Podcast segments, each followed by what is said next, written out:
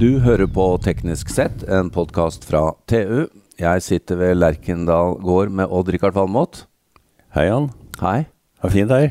Ja, fantastisk. Ja. Og nå, nå eh, Noen av lytterne vil kanskje huske at eh, både du og jeg er vel litt sånn pessimister eh, angående klima og energi. Ja, ja, vi har vært der en Ja. stund. Ja. Hvordan i all verden skal vi få dette til? ja. Men det er mye, det er mye morsomt som skjer. Du verden. Når kloke Ja, det er hoder begynner å jobbe, så, så skjer det ting. det er jo Det som er kanskje spesielt bra her, er jo at det er eh, flere løsninger. Det er jo ikke bare én. Nei, det er mange veier til rom.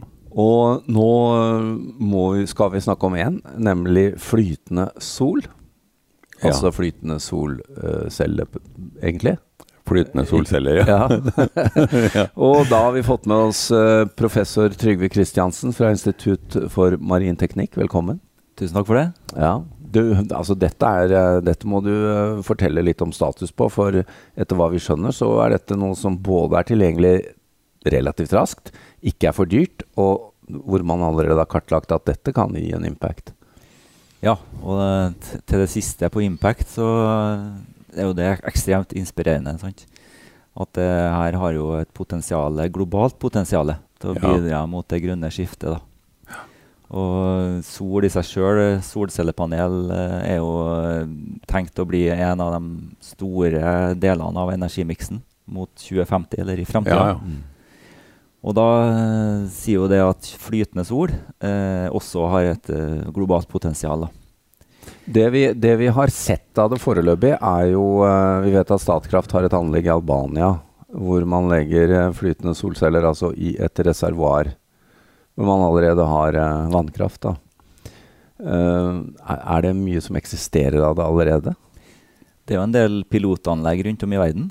Uh, det finnes på, også på øyer, øysamfunn som ikke har kraft. Eh, en del byer i Kina og Ja. India som eh, eh, både tenker stort og har installert pilotanlegg. Mm. Eh, og så finnes det en del på reservoarer rundt omkring i Japan eh, og Kina, blant annet. Eh, Drikkevann og vannkraftreservoarer og sånne ting. Ja, begge deler. Ja. Og der har det den fordelen at eh, solcellene får kjøling. Og da øker effekten i forhold til på et hustak hvor de Ja, blir fort veldig varme. da, 80-90 grader Du kanskje. får opp virkningsgraden, ja. Virkningsgraden, ja. Eh, og det andre er at det hindrer avdamping fra reservoaret, da, som er, kan være veldig viktig. Ja, altså jeg har eh, hørt, eller kanskje til og med skrevet, at uh, opptil 12% av magasinkapasiteten i varmere land går tapt pga. avdamping. Det er, jo- mye, altså. Det er mye kraft. Det er jo det. Ja. Ja, Og når du da i tillegg kan få enda mer fra sola direkte, så. Men ja, Trygve, du- dere, eller du, jeg vet ikke, det må du svare på, har jo gjort en beregning av dersom man Hvor mye skal til, da? Uh, og eh, skal bruke Odd-Rikard bedekke overflaten av et eksisterende reservoar med flytende sol for å produsere like mye som vannkraften fra reservoarene? Ja, det stemmer. Det har blitt gjort noe estimat der. og hvis du dekker 5-10% har jeg hørt, Av arealet? av arealet til eksisterende vannkraftreservoar i hele verden, altså Ja. globalt, ja. så produserer du like mye solkraft som vannkrafta sjøl. Det er jo helt uh, hårreisende mye, altså. 5-10% Ja, og det er jo ikke noe i veien for å dekke 50-70 heller. Nei, da, blir jo vann, da blir jo solkraft den viktigste kraftformen. Riktig. Da blir, da blir vannkraften et biprodukt? ja, det, det er rart å tenke på, altså. Det er jo, det er jo ekstrem eh, Altså, det hadde jeg aldri gjettet på. Jeg holdt på å si hva er, eh, hva er dynamikken her? Altså Virkningsgraden i dag på solcellepanel og drikker er rundt 20% Litt over 20 Ja. Men den kommer til å stige. Ja. Ja. Og så er det snakk om at vannet i tillegg kjøler ned, slik at du får høyere virkningsgrad fordi du holder temperaturen lavere. Ja, og det er visst en ganske viktig effekt. Ja, Men det blir jo liggende flatt, da. Er det, da. Da virker kanskje ikke så godt her nord, hvor solen har vinkel. Du, eh, mange av konseptene som er foreslått og under bygging og har blitt bygd, har jo eh, skråstilte panel. Ja, selv om Ja. de flyter, så flyter de med skråvinkel, ja. Ja. Så det er en viktig effekt. Ja, Det må jo si. vi ha. Og så, så har vi selvfølgelig problemet at om vinteren så er det mye snø på magasinene. Ja, og det jobbes det faktisk med. Så når vi snakker om um, vannmagasin i Norge, så tenker vi høyt til fjells og snø og is. Ja. Men eh, det skal ikke se bort ifra at det går an å få det til, også i Norge. ja. Nei, det Vi, vi har jo mange konsepter her, og jeg vet uh, Odd Rikard, du har vel til og med skrevet om dette eh, før. Og Ja. det er jo enkelte, til og med norske konsepter, som er en duk med uh, celler i eller på. Uh, noen har pontonger. Altså det er mange muligheter her. Det som er sikkert, er jo at dette må jo være en uh, norsk teknologiutvikling. Vi kan jo mye om hav og, og vann og, og bølger og all, i det hele tatt. Ja. Men, men, men, men kan dette f.eks. ligge Altså hvor viktig er det med stormer og bølger og det, det Jo, det, det er viktig, da. Ja. Så da. Men da vil jeg ta litt eh, overblikk. Altså, du har sola, som er primære energikilden inn til jorda og Ja. andre planeter, selvfølgelig. Og så eh, noe av det går over til vind pga. temperaturgradienter. ja. Og så når det blåser over havet, så går jo noe over til bølger. Og da har vi jo bølgekraftverk. Vi har eh, vind, flytende vind, eller offshore vind. ja. Og vi har eh, flytende sol nå, da, som er det nyeste, som undersøkes. Um, og f da er jo fordelen med flytende sol at det gjerne vil prøve å legge det der det er minst mulig eh, vær og vind ja, og bølger. F.eks. rundt Stillehavsbeltet, sant? Ja. Nei, Stillevannsbeltet, ja. pluss minus 10, fra 10 grader fra ekvator. ja. Der blåser det jo nesten ikke. Nei, og der kan det ligge relativt flatt da, så det blir kanskje enklere installasjoner. Ja, det Og der går sola, solstrålene rett ned. rett ned, ja. Ja. Og relativt Ikke det krappsjøene, sant, men har dønninger, men er relativt Ja, relativt rolig, da. Så der, der kjempe, med flytende sol så kjemper du tross alt på lag med naturkreftene, Mm. og du tar primærenergikilden, som det er mest av. Og så har du flytende vind, som jeg vil skyte inn. Det har også et stort potensial. Men det, kjemp, det kjemper jo imot naturkreftene, for det må jo det for å ta ut Ja, ja, ja. energi. Ja. Hvor, Ja. ja, hvordan, altså det er interessant. Hvis du tenker en park med, med vindturbiner Jeg holdt på å si Hvor mye kraft får du ut av det versus å dekket det med flytende sol? da? Ja, det har jeg også sett på sånn gjort noe estimat. eh, eh, så vind ligger jo gjerne Vindturbiner ligger gjerne med en sånn 1 km fra hverandre for å få Ja, nok vind Det er mye areal. Det er mye en kvadratkilometer per Ja. eh, turbin. da. Og hvis du dekker eller solinnstrålinga på en kvadratkilometer eh, i sørlige Spania, kan vi ta som utgangspunkt, Ja. der er 200 watt per kvadratmeter i års- og døgngjennomsnitt. Og Kontinuerlig, altså. kontinuerlig. Og hvis du ganger det med 22 virkningsgrad, Ja. og en kvadratkilometer, så får du 44 megawatt. Ja. Så kan du tenke deg at du Og det får du ikke ut av en vind, vindpark, Nei. altså. Nei, du gjør ikke det. Så du ligger på en sånn eh, faktor 4-5, kanskje, eller over Ja. Ja.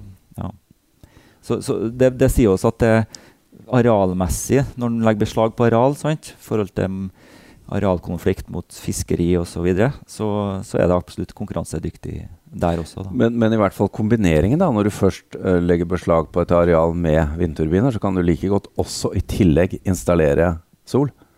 Ja, så det er jo komplementært òg, når det er vind. Så Ja, men det, det blir jo sol. som, er eh, et begrep for det, Jan. Det heter win-win. Ja, win-win.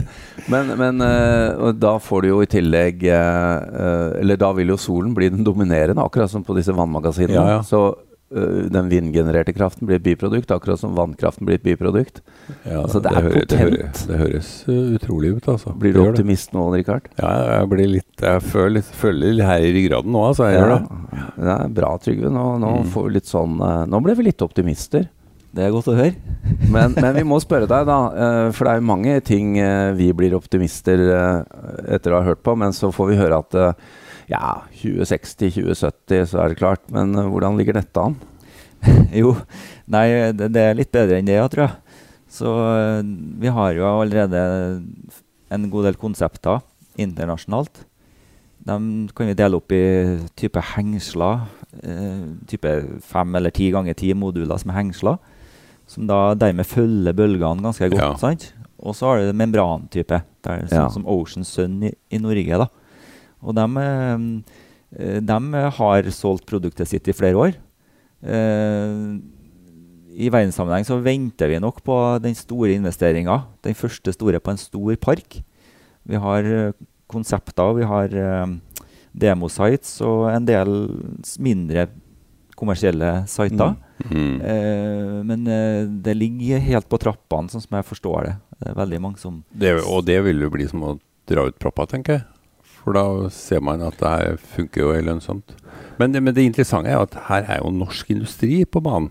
Vi ligger jo langt, langt unna primærmarkedet. Hvorfor i hule holder vi på med det her? Ja, det er to kanskje svar på det. Det ene er at eh, vi, vi, vi har behov for det her og f.eks. til å gi kraft lokalt til oppdrettsanlegg. Det er et stort kraftbehov der.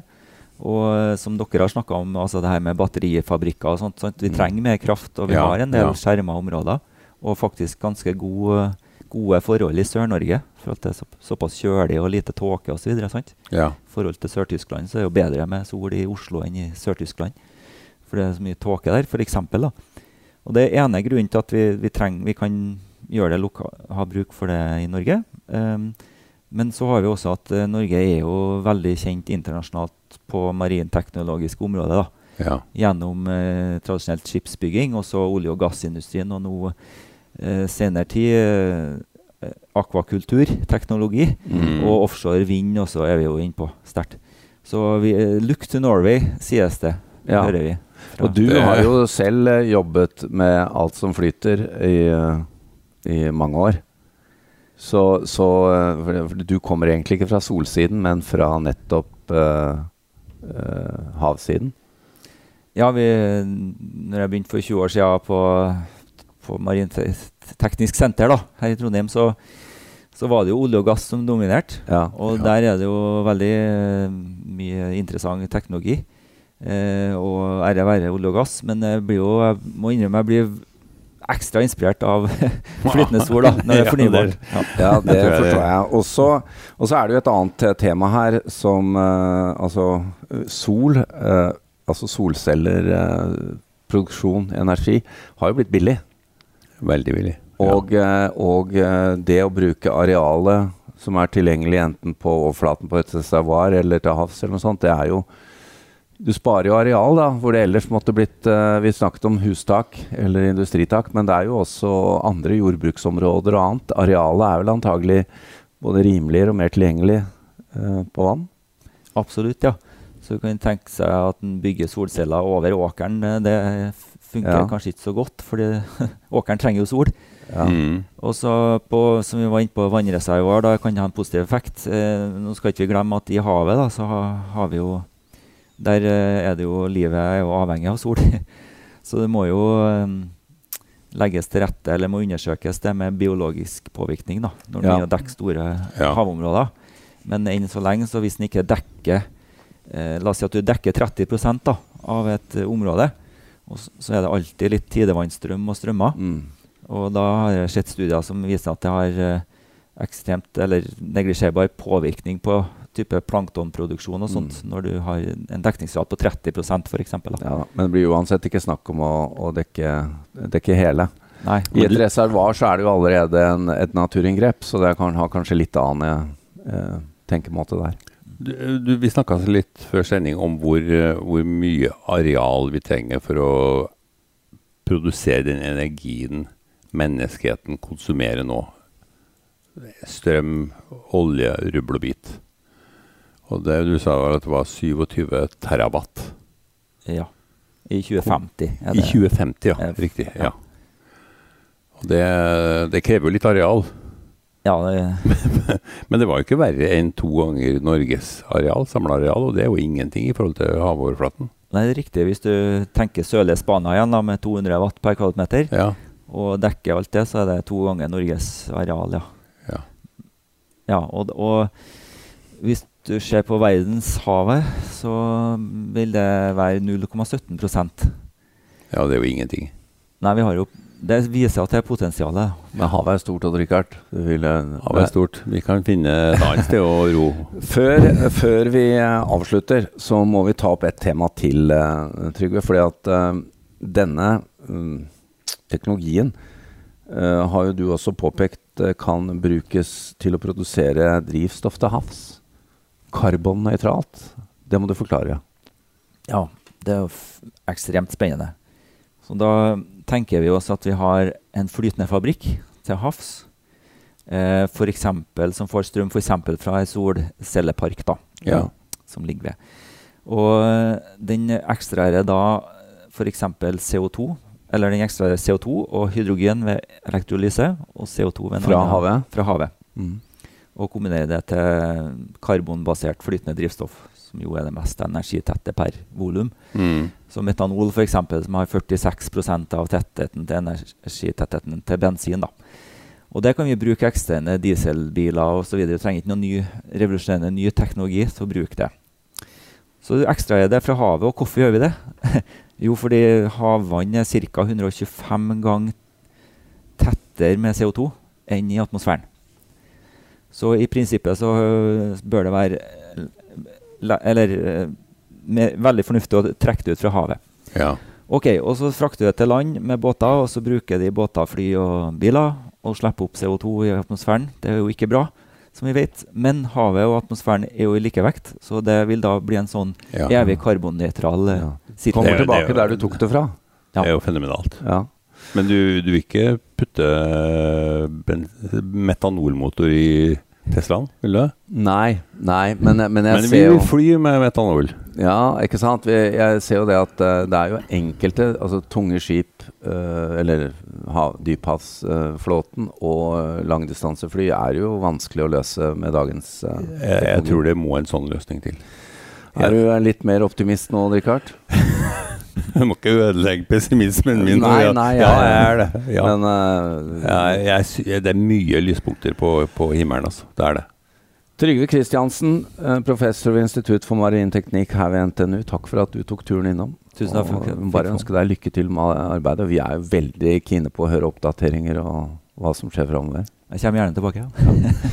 Takk til Odd Rikard Valmot, og mitt navn er Jan Moberg.